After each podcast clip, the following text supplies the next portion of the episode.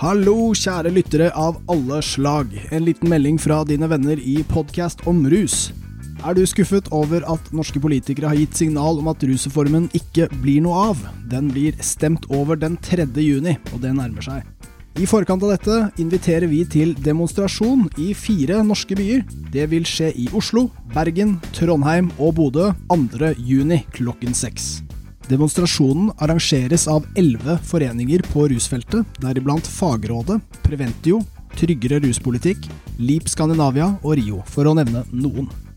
Demonstrasjonen har også en lang rekke støttespillere, deriblant Oslo Arbeiderparti, Norsk Sykepleierforbund, Amnesty International og Kirkens Bymisjon.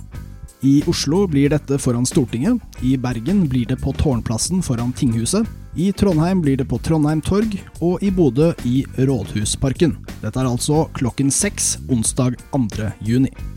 Rusreformen skulle bli vår tids største sosialpolitiske reform, og vi kan ikke la denne gå under uten at politikerne merker vår skuffelse. Pga. pandemien er det også noen tilleggsopplysninger. Husk munnbind og å holde avstand, ikke møt opp dersom du ikke er helt frisk. Dessverre må man også registrere seg for å delta på demonstrasjonen, og tro meg, vi vet at dette er kjedelig for mange som støtter denne saken.